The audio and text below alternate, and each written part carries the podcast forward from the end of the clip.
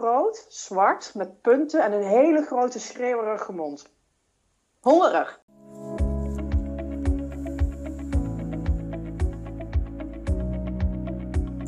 Welkom bij een nieuwe aflevering van de Zelfbewuste Single Mom podcast. In deze podcast bundel ik de prachtige interviews met de zelfbewuste single moms die ik regelmatig live interview in mijn community. En ik spreek met experts op het gebied van scheiden, mindset, mindfulness, energiemanagement, daten en andere onderwerpen die komen kijken bij het alleenstaand moederschap. Want hoe creëer je opnieuw een leven waar jij blij van wordt, samen met je kinderen? Hoe ga je om met een tekort aan energie en tijd? Hoe ga je om met schuldgevoel en eenzaamheid? Hoe voed je je kind in je eentje of samen met je ex-partner op? En hoe balanceer jij het moederschap met een carrière of met andere verlangens en dromen die je hebt? We bespreken de stigma's en vooroordelen die nog altijd rond het singlemoederschap hangen. En we proberen deze te doorbreken door te laten zien hoe het singlemoederschap er anno 2021-2022 ook uit kan zien. Welkom bij de Zelfbewuste Single podcast.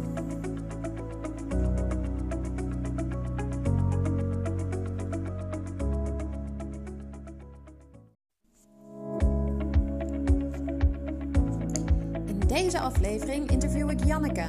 Janneke heeft twee kinderen van zes jaar. Bijna twee jaar geleden zette ze een punt achter de relatie met de vader van haar kinderen. Dat was ook direct het startpunt van een zoektocht naar het opnieuw ontdekken van haar vrouwelijkheid. Janneke heeft inmiddels een passie voor persoonlijke ontwikkeling.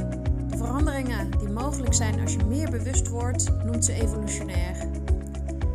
Ik spreek met haar over haar proces en wat het haar gebracht heeft. Wie is ze nu?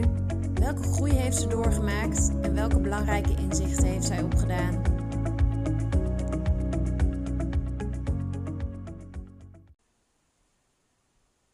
Nou, welkom Janneke. Superleuk dat jij hier met mij een interview wilde doen.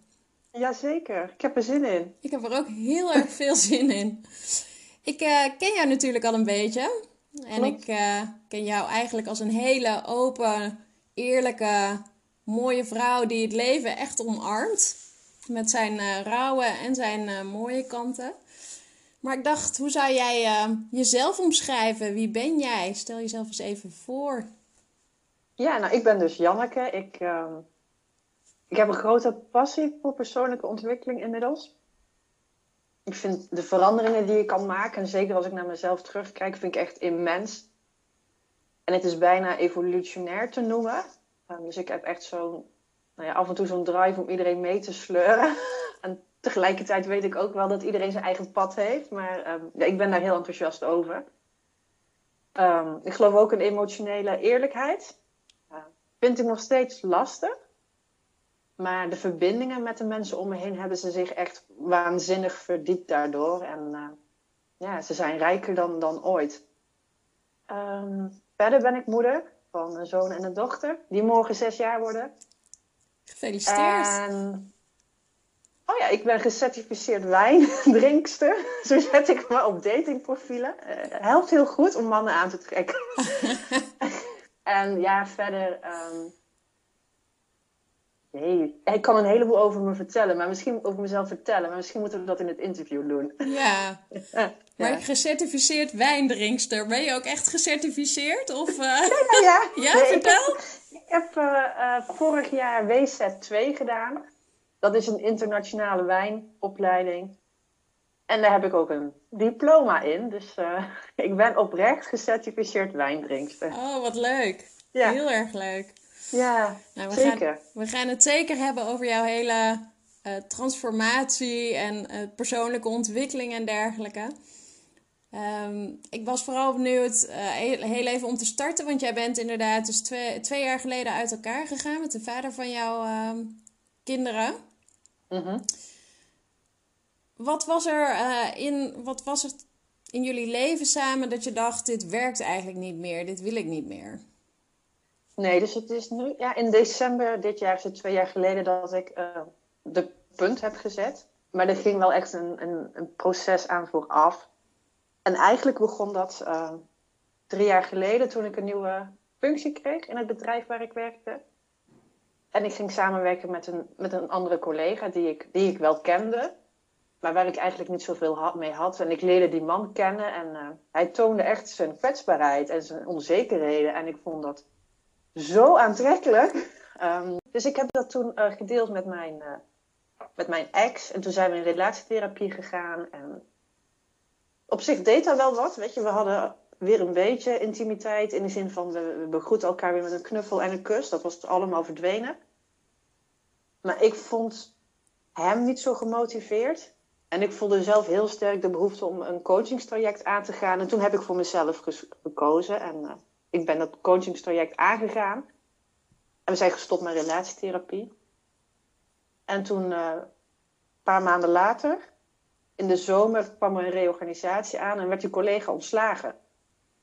En ik ging kapot van verdriet.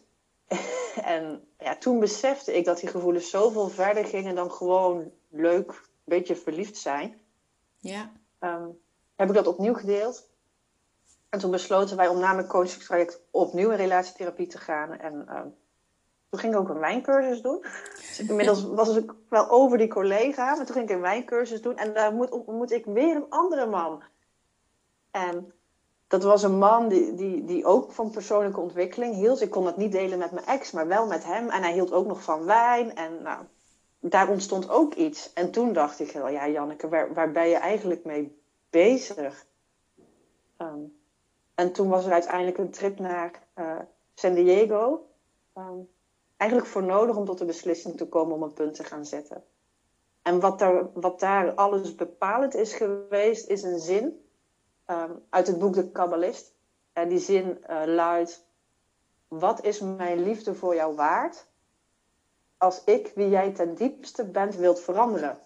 En toen besefte ik dat mijn ex is mijn ex. Ik ben ik. En we hebben een hele mooie tijd samen gehad, maar we moeten elkaar nu loslaten. Want het is gewoon klaar. Ja. Um, en dat was immens verdrietig natuurlijk. Um, maar wel de meest uh, liefde, liefdevolle beslissing uit mijn leven. En hoe reageerde hij daarop? Was hij het eens met, met jouw beslissing in die zin? Ja, we zaten bij de relatietherapeut op de bank. Um, dat had ik niet bedacht, maar dat ontstond zo die dag. Toen ik het uitsprak naar een vriendin van... ja, volgens mij is het gewoon klaar tussen ons. Ja, en als je dat eenmaal één keer hebt gezegd, dan, ja, dan kan je het niet meer voor je houden, zeg maar. Als je, het, je mag het denken, en je mag het heel lang denken, maar als je het echt hebt gezegd, dan, dan is het waar in mijn beleving. Um, en hij zat te praten en zijn verhaal te doen. En ik dacht alleen maar, ja, ik ga jou zo ontzettend veel verdriet doen nu. En toen heb ik dit gezegd. En hij ging natuurlijk kapot van verdriet. En ik ook. Maar het was ook geen verrassing. Nee. En het mooie was eigenlijk, en dat vind ik nog steeds heel bijzonder, dat uh, ik sprak toen de wens uit om het echt samen te gaan doen. Ook het hele traject direct naar de mediator toe, om het echt samen, om samen onze familie opnieuw neer te zetten. En hij is daar gelijk in meegegaan. En ja, ik weet nog dat we, we gingen een rondje wandelen hier in de Bossenbroek. En hij vroeg, hoe wil je het doen met de kinderen? Dus dat is natuurlijk, ja, dat is een, de eerste vraag die je dan hebt. En ik zei, ik wil het samen doen, 50-50. Hij zei, ja, ik ook. En dat was het dan. Dat was gelijk geregeld. Oh, wat fijn. Ja, en, en s'avonds gingen we dan de familie bellen, want die wonen allemaal ver af. En dat deden we echt samen, weet je, om en om. En als hij belde, hield ik hem vast en hij hield mij vast toen ik hem belde. En die avond hebben we heel veel gehuild, maar ook heel veel gelachen en heel veel whisky gedronken. dat moet dan ook opeens. Ja. En, en die avond lagen we in bed, allebei natuurlijk klaar wakker. En ja, onze kinderen hadden we nog niks verteld, die waren toen net vier.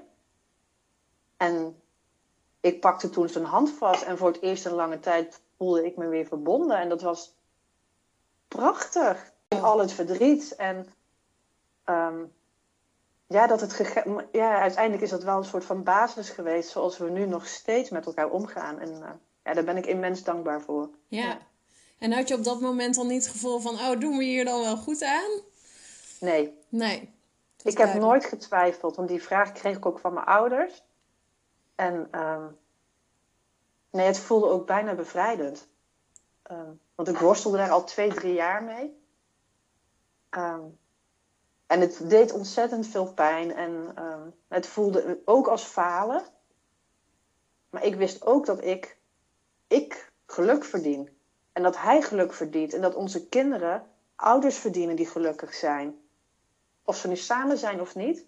Ik wilde geen spanningen in huis, zeg maar, voor mijn kinderen. Omdat wij niet meer gelukkig zouden zijn. Maar voor elkaar willen blijven wij voor de kinderen, zeg maar. Ja. En uh, ja, dat, ja, dat, ja, ik heb nooit getwijfeld. Nee. Nee. nee. En wat je dus eigenlijk miste in, in de relatie met hem, was dat een gemis, dat stukje persoonlijke ontwikkeling? Of... Ik denk dat het breder is dan dat. Ik denk dat het emotionele intimiteit, intimiteit is. Ja. Um, ik heb nooit geleerd om over mijn gevoelens te praten. Tot drie jaar geleden wist ik ook niet hoe ik me voelde. Het ging altijd goed. Ja. Wat natuurlijk niet kan. Um, en misschien ook wel de ruimte om uh, mijn eigen weg daarin te gaan in de persoonlijke ontwikkeling. En een beetje uh, steun. Je hoeft het niet per se te begrijpen, want soms gaat het misschien voor een buitenstaander best ver als het over spiritualiteit gaat. Dan is het misschien zweverig, maar af en toe miste ik wel wat respect. En dat kwam dan uit onbegrip, maar ja, je hoeft niet alles weg te lachen, zeg maar. Ja. ja. Nou, toen waren jullie uit elkaar. Je voelde een soort bevrijding eigenlijk. En toen, wat ben je toen gaan doen? Um, ja, dus dat was in december. En vier maanden later is hij daadwerkelijk verhuisd. ja, twee, weken, twee weken later had ik Tinder op mijn telefoon. Want ja, dat hoort dan, hè.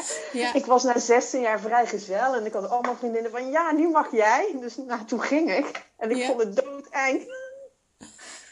um, en dus dat heb ik... Nou ja, ik ben toen wel een beetje erin gestort, zeg maar. En na drie dates met verschillende mannen dacht ik... Ja, maar waar ben ik eigenlijk mee bezig? Weet je, ik ben gewoon keihard aan het vluchten nu voor het alleen zijn. En toen ben ik een coachingstraject gestart. En het interessante was in dat coachingstraject uh, ging ik een schaduwkant aankijken van mezelf. En ik wil graag alles perfect doen. Vooral niet falen. En nou ja, we gingen daar induiken en ik moest toen. Uh, ik kreeg de opdracht om een, het monster te tekenen wat bij die schaduw hoorde in 10 minuten. En ik blokkeerde eerst, want ik wilde dat natuurlijk perfect doen. Weet je, dat monster moest mooi zijn en het moest kloppen. En het moest ook nog binnen 10 minuten. En Ja.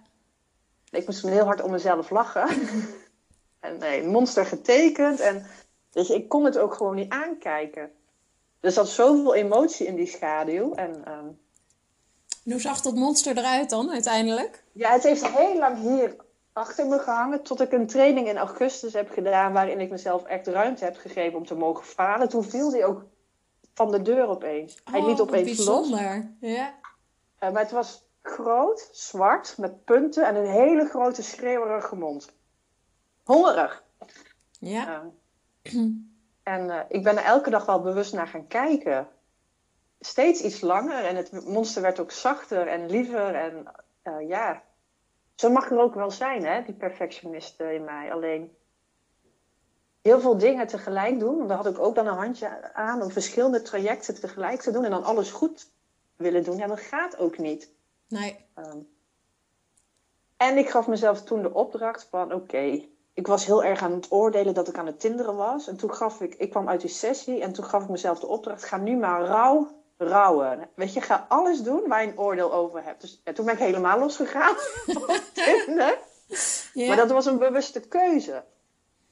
En ik, ik kan daar gewoon met heel veel plezier op terugkijken. Dat je om 11 uur s'avonds op een fiets stapt naar een man om in de tuin wijn te gaan drinken bij een vuurkorf, weet je wel. En ja, weer helemaal die vrijheid opgezocht. Om ja, alles te mogen. extreem die vrijheid opgezocht, maar wel heel bewust en zonder oordeel. Ja. En uh, dat was heel leuk. En toen was ik er opeens vorig jaar, ik denk in september, ook helemaal klaar mee. Weet je, ik had mezelf die ruimte gegeven en toen was het. Nu wil ik gewoon even alleen. Ja, want je bent ook nog helemaal um, een zoektocht aangegaan om je vrouwelijkheid opnieuw te gaan omarmen. Klopt, ja. Ja, wat, wat triggerde jou om die zoektocht aan te gaan? Ja, eigenlijk was dat een dame die ik volgde op Instagram, die heel erg open was over sensualiteit en seksualiteit en die heel bruisend in het leven stond. En zij irriteerde mij zo. maar inmiddels wist ik ook wel genoeg van, oké, okay, zij irriteert mij. Dat zit in mij. En ik voelde ook wel een soort verlangen naar haar onbevangenheid. En dat ze zichzelf die ruimte gunde om dingen te onderzoeken en nou ja, te genieten. En ik ben toen uh, haar online programma gaan doen. Ehm, dat is nou een jaar geleden. Ik zat er nu, uh, nu middenin. Ja. En ehm, ja, ik heb daar vooral ehm, meer contact met mijn lichaam gekregen. Dus vanuit mijn hoofd, want ik kon zo goed in, kan nog steeds heel goed in mijn hoofd zitten. Ja. Maar ik ben daar gaan leren om emoties te doorvoelen met oefeningen. En daar is toen heel veel, heel veel losgekomen. Wat heel pijnlijk is geweest en ook heel verdrietig, maar het heeft zoveel opgeruimd.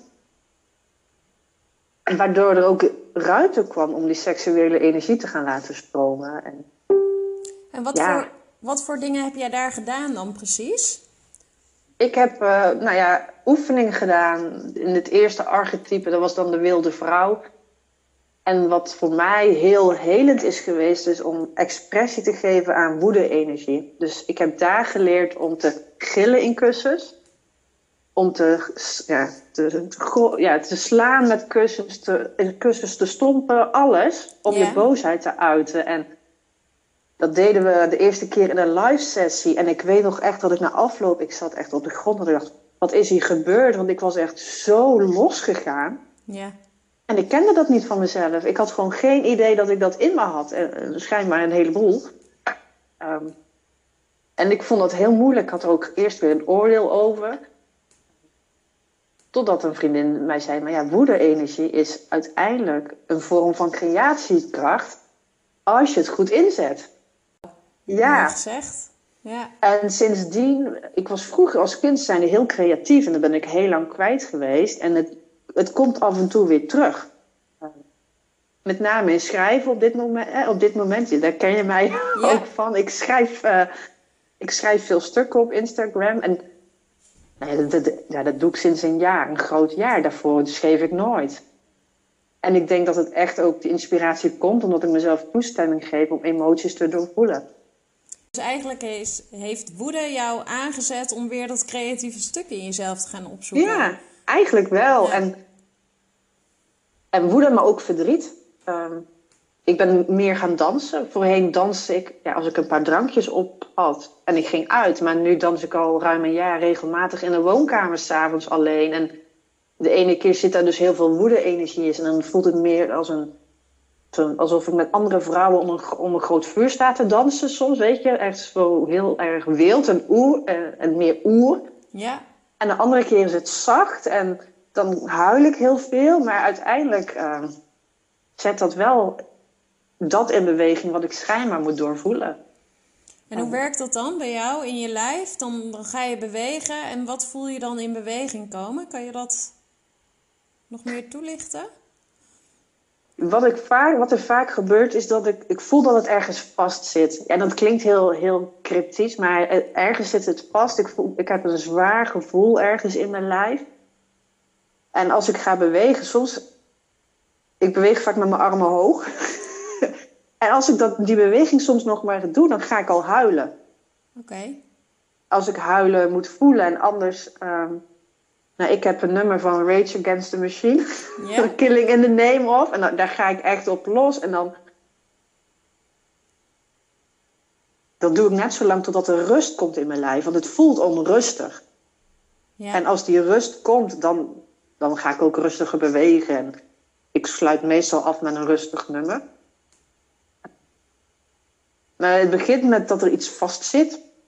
Of dat er onrust is, in mijn hoofd met name, maar dan zit het in mijn lijf vast. En dan, ja, door, dat, door te bewegen gaat het letterlijk open. Ja. En vaak voel ik na afloop een vrije gevoel in mijn onderbuik.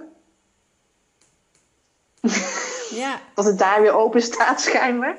Um, ja, en dat doe ik nog steeds, die oefeningen. Um, Wat mooi. Ja. Want drie, jij zei drie jaar geleden voelde ik eigenlijk niets. Wist ik eigenlijk niet eens wat ik voelde.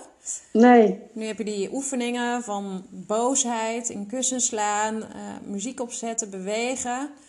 Ja. Waren er nog andere dingen die jou uh, hielpen om meer in je lijf te komen? Om dat te gaan voelen wat er allemaal speelde? Ja, wat ik ook sinds een groot jaar doe is yoga nidra. Um, dat helpt mij om heel erg te ontspannen. Dus op een hele andere manier. Maar dat werkt echt op het onderbewustzijn. Ehm, en dat zorgt er wel ook voor dat ik me steeds minder weet ehm, te associëren met mijn emoties en mijn gedachten. Dus ik kan steeds beter zien dat ik ze heb, maar dat ik ze niet ben. Ja. Um, en verder is het ook soms gewoon. Um, ik kan nu een hele andere afslag gaan, maar als het gaat om onderzoek qua seksualiteit, om daar ruimte te vinden en die ruimte te pakken, dat heeft mij ook wel geholpen om meer in contact in mijn lijf te komen. Weet je, wat vind ik fijn? Ja. En niet doen wat de ander fijn vindt, maar wat wil ik nu? Ja, en dat was weer een andere zoektocht, denk ik. Ja, die daar wel verband mee houdt waarschijnlijk. Is gelinkt ja, het was wel onderdeel van de Feminine Awakening. Oké. Kan je daar wat meer over vertellen dan? Wat, wat... Ja, dus dat, dat volgde eigenlijk naar de, naar de wilde vrouw. Ja. En voor mijn gevoel creëerden we daar een soort van vangnet voor al je emoties. Dus uh, ik voelde letterlijk dat ik steviger ging staan. Dat ik een betere basis in mezelf kreeg. Dat ik tools had om mijn emoties te dragen. Ja, en als die basis beter is, dan voor mij leidde dat ertoe dat ik meer vertrouwen voelde om uit te gaan spreken wat ik verlangde. Ja. je, en ik heb mezelf in een van die weken echt, nou ja, gewoon letterlijk toestemming te ge gegeven om mijn seksualiteit te gaan onderzoeken. En ik vond dat al belangrijk, maar ik vond het heel moeilijk om daar woorden aan te geven en om het te zeggen tegen een man die je nog niet zo goed kent, wat je nu echt lekker vindt. Ja, ik, ik ben er inmiddels uh, wel heel open in tijdens het chatten eigenlijk al. Ja, niet tot in detail, maar wel wat je als ze vragen: wat, wat vind je aantrekkelijk in een man? Dan het stukje seksualiteit hoort daar inmiddels bij. Um, ja. Ik vind het heel belangrijk. Um, ja, en wat je uitspreekt, trek je naar, naar jezelf toe. Absoluut, ja. Dat is heel gevaarlijk, heb ik inmiddels ervaren. Gevaarlijk? Nee, nee. nou ja, gevaarlijk niet. Nee. Je moet wel de dingen juist formuleren, kwam ik laatst achter. ja. Maar ja, ik heb daardoor ook gewoon meer speelsheid of zo. Ja, het hoeft mooi. ook allemaal niet altijd zo zwaar. Uh, het mag ook gewoon leuk en lekker zijn. Je mag ook gewoon flirten zonder dat het meteen serieus moet allemaal. Precies. Ja. Flirten is zo leuk. Ja. Zo leuk om daarmee te spelen. En daar kwam ruimte voor, omdat ik gewoon beter in mezelf aan het landen was. Um, en Ja. dat is nog steeds een proces. Ik ben nog steeds dingen aan het opruimen. Um, maar het voelt wel steeds. Uh... Nou goed, jij weet ook wat er vorige week gebeurd is. Hè? Ja. Ik, was, ja, ik, ik, kan het, ik was op avontuur met een hele leuke man al zes maanden. En nou ja, ik kreeg gevoelens voor hem. Meer dan alleen leuk en lekker. Dus ik wilde verdieping. En ja, uiteindelijk hij niet. Hij besefte dat hij niet genoeg voelde. En uh, nou ja, daar hadden we het over. En toen heb ik besloten dat het klaar was. En toen ging ik echt, echt kapot van verdriet. Ik ervaarde gewoon puur liefdesverdriet. En toen, en toen realiseerde ik van... hé, hey, ik was hier gewoon verliefd. Na al die tijd was ik weer verliefd. En schijnbaar was ik klaar voor de liefde. En ik was immens verdrietig, twee, drie dagen. Maar ik vond het fantastisch.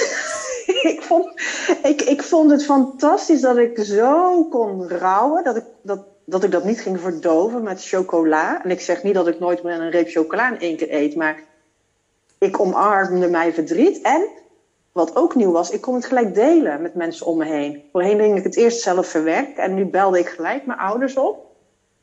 Ik had een prachtig gesprek met ze. Ik was helemaal welkom met alles wat er was. Uh, vriendinnen, de buurvrouw zelf. Oh, Weet je, het was... Ja. En ik voelde zoveel liefde. Het was echt... Nou, ik vond het prachtig. En ja, het was ontzettend verdrietig en pijnlijk. Maar ik ben erin gevlogen.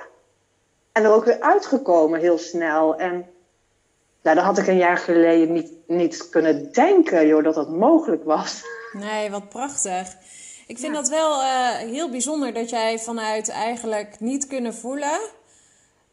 Het uh, uh, gegaan bent naar het heel intens kunnen uiten van zowel jouw verlangens, maar ook jouw verdriet en het delen Ja. van, van van alles met de mensen die heel erg belangrijk voor jou zijn, maar ook mensen gewoon die op dat moment om je heen staan. Wat ja, het is ook bizar. Ja. ik snap het zelf ook niet. En het is niet om op te scheppen, maar ik heb, een coach van mij heeft ook al gezegd van... Jezus, wat jij in zo'n traject weet, weet te doen... Waar je doorheen weet te breken, dat, dat is vrij veel. En ik heb nu een haptonomietherapeut en die zei het opnieuw dat ik denk... Weet je, voor mij is er maar één manier en dat is dwars er doorheen. Keihard schijnbaar. Ik kan het niet een beetje. Ik moet gewoon dan volle bak of zo. Ja. En het voelt goed voor jou om het op die manier te doen. Ja, voor mij werkt het. Het is wel intens, hè? Af en toe denken we van, ik ben er wel even klaar mee. Ja, dat, uh, dat snap ik. Waar liggen voor jou nu nog eh, de grootste uitdagingen? Ja, ik wil nu gewoon... Ik verlang wel echt weer naar grote, meeslepende liefde. Weet je, ik wil samen met een man hand in hand huppelen door bloemetjes bij. gewoon echt puberaal verliefd zijn. Ja. Um, weet je, ik ben klaar om die muurtjes hoog te houden. Ik, um, ik wil al ingaan. Um, en natuurlijk, weet je, je hebt kinderen en zo. Dus het is niet zoals twintig jaar geleden toen ik mijn ex ontmoette. Maar gewoon daar vol in durven gaan. Dat, uh, ja, ik weet nu dat ik het aan kan als het gewoon stopt. Ja, dus je kan, het, je kan er ook vol in gaan. Ik kan er ook vol in gaan. En het maakt mij niet meer uit hoe lang iets duurt. Want niks is voor altijd. Als het maar oprecht en echt is. En ja, je volledig kunt zijn wie je mag zijn. En dan is het nog steeds dat er van alles getriggerd wordt. Hè? Laten we wel wezen. Maar, Ja, maar volgens mij hou je ook wel van dat proces. je bent wel een beetje verslaafde. ja. ja, mooi. Ja. ja. Ja, en er is nog zoveel wat ik wil onderzoeken, weet je, op het gebied van uh, seksualiteit. Weet je, je hebt, in, de, in de community ging het nou laatst over tantra. Ja. Nou, daar ben ik heel, heel nieuwsgierig naar. En daar heb ik nog geen ervaring, maar het lijkt me mega mooi. Als je iemand kunt vinden waar je dat mee mag onderzoeken. Ja. Uh, ja.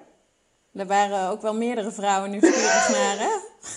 Ja, superleuk. Dus daar gaan we nog wel een sessie voor doen, ja. Ja, en het vraagt natuurlijk echt wel een hele grote kwetsbaarheid, hè? Van jezelf en van je partner. En ja, ik geloof dat ik daar wel aan toe ben of zo.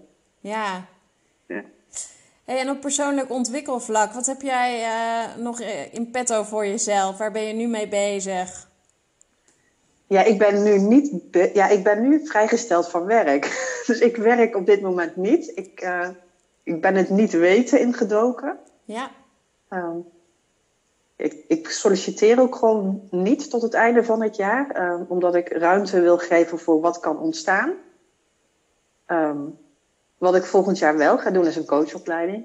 Uh, ik voel heel erg de behoefte om daar iets mee te gaan doen. En wat er dan uit volgt, dat zien we wel weer. Ja. Um, maar dat is wel waar ik ontzettend gelukkig van word. Van mooie gesprekken mogen voeren. En mensen een aha-moment geven en iets bijbrengen. Ja, het lijkt me fantastisch als ik daar iets mee mag doen. Uh, ja, en ja, weet je, het, het volgen van een coachopleiding is natuurlijk ook een gigantische spiegel. Dus. Ja, dan ga je nog wat diep in jezelf duiken, inderdaad. Ja, en eigenlijk het leven leven. Weet je, dat heb ik het afgelopen half jaar met die man echt gedaan. Ik ben daar vol ingedoken. Mijn verlatingsangst werd maximaal getriggerd. Uh, en ik heb besloten om het niet uit de weg te gaan. Ja. En daar valt echt nog wel uh, te groeien. Hè? Durven vertrouwen op wat er is. Um,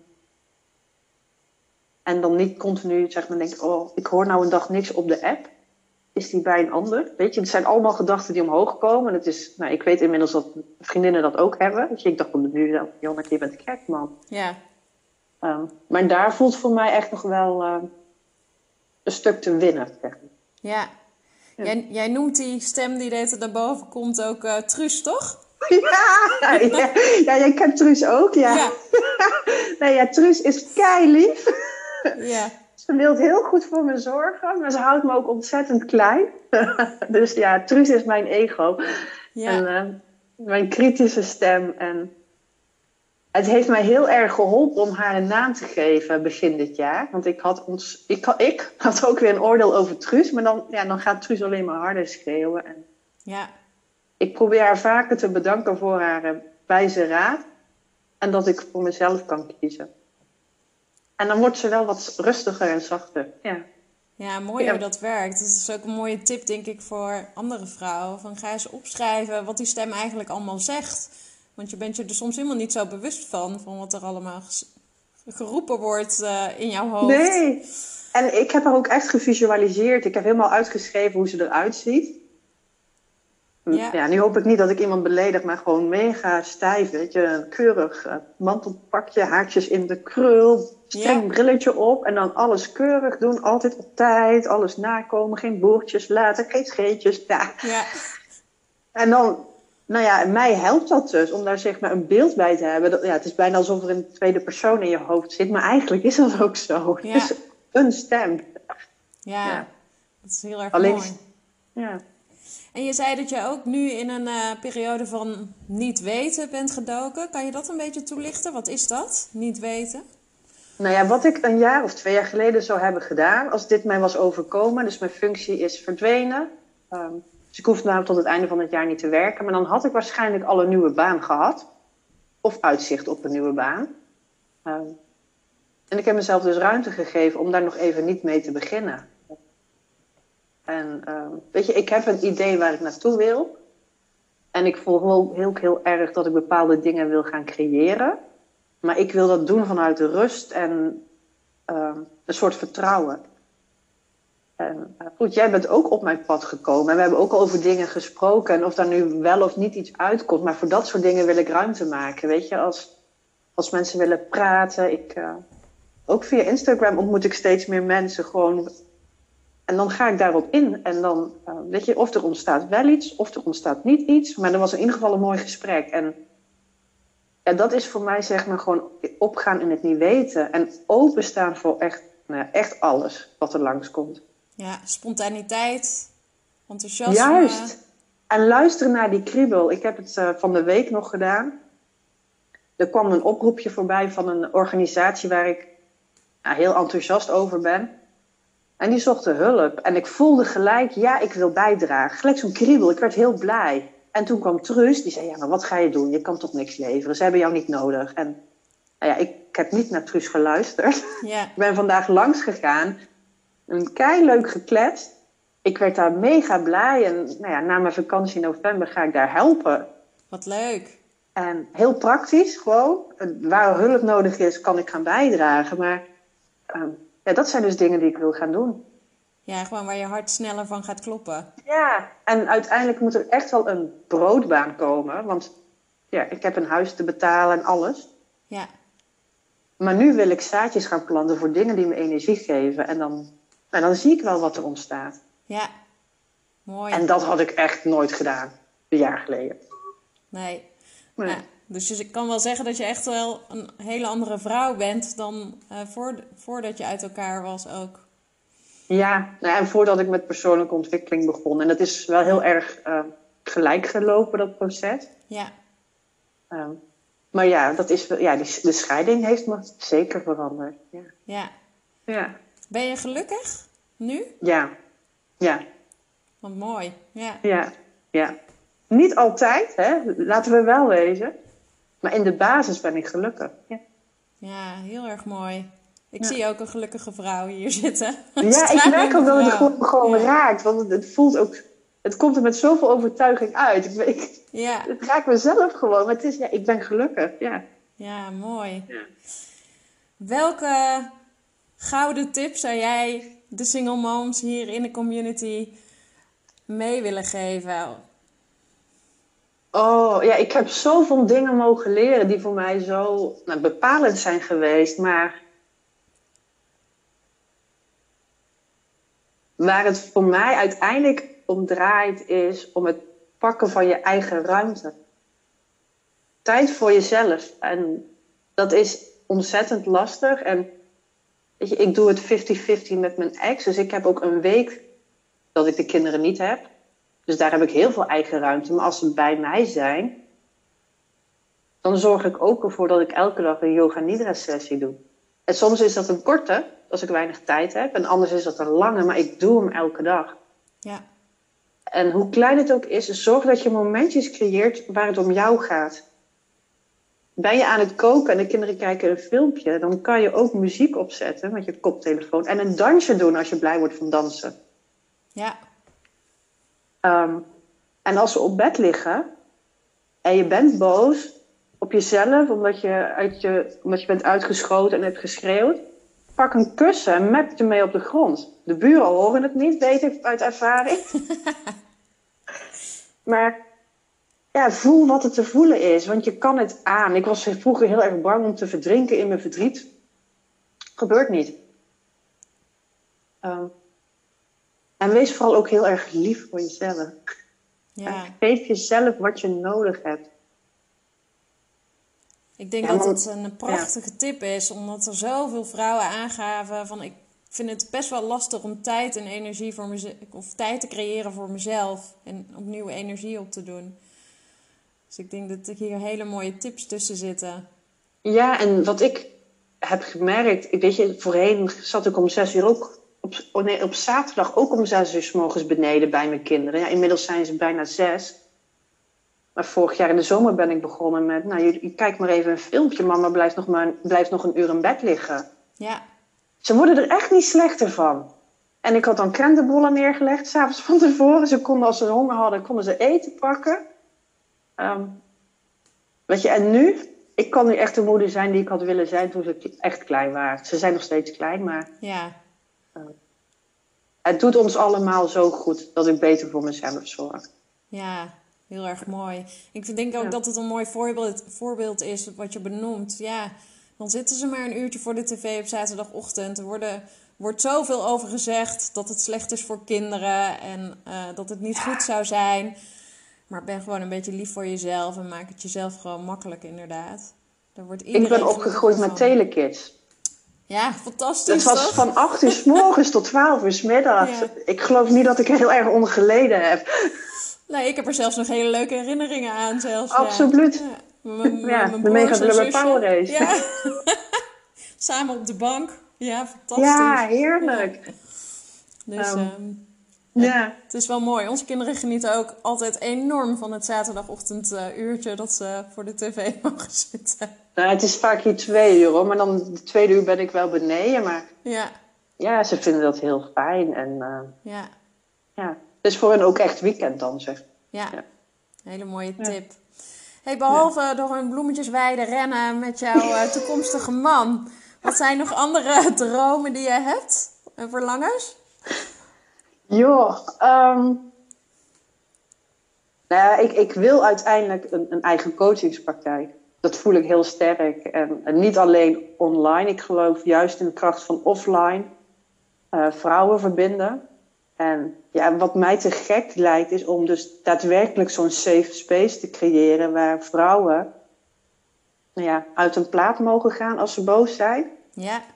Want de eerste keer toen ik dat deed, ik was wel echt een, een, soort van, van slag, omdat ik niet wist wat me gebeurde. En eigenlijk had ik toen gewoon een vrouw naast me willen hebben die gewoon zei, weet je, het is oké, je bent veilig, je bent hier. Ja. En, ja, ik ben wel stappen aan het zetten in die richting. Ik denk dat dat uh, heel erg goed bij jou past. Ja. Het was een soort van wilde verhaal. ja. Ja, dus dat is wel echt een droom. Um, ja, en ik, uh, het, het, wordt tijd dat ik mijn autorijangst uh, ga overwinnen. Ja, dus weer even een rijlesje nemen en uh, ja. gaan ja, het, voelde, het voelt nu echt wel als het juiste moment. Ja. En ja, ik wil volgend jaar ook gewoon een auto gaan aanschaffen. En dan ga ik zeker lessen pakken. Het lijkt me voor iedereen veilig. nou ja, dus je, je bent lekker al je angsten aan het aanpakken. En je gaat gewoon vol voor het leven. En dat vind ik ook zo mooi aan jou, Janneke. Nou, ik ben altijd heel erg blij als ik jou zie. Dus, uh... en ik, ja, super leuk dat ik hier mijn verhaal mag doen. Ja. ja. Nou, ik vond het heel erg leuk om jou te spreken. Uh, sluiten we hem bij deze af. Dank jullie wel, dames, ook voor het meekijken. Of het terugkijken. En, uh, en tot de volgende keer. Yes, dankjewel Stefanie. Doeg. Doeg.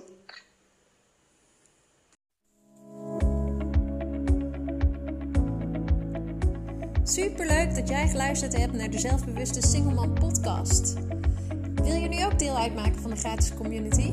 Ga dan even naar de tekst onder deze podcastaflevering en klik op het linkje van de community. Tot de volgende keer!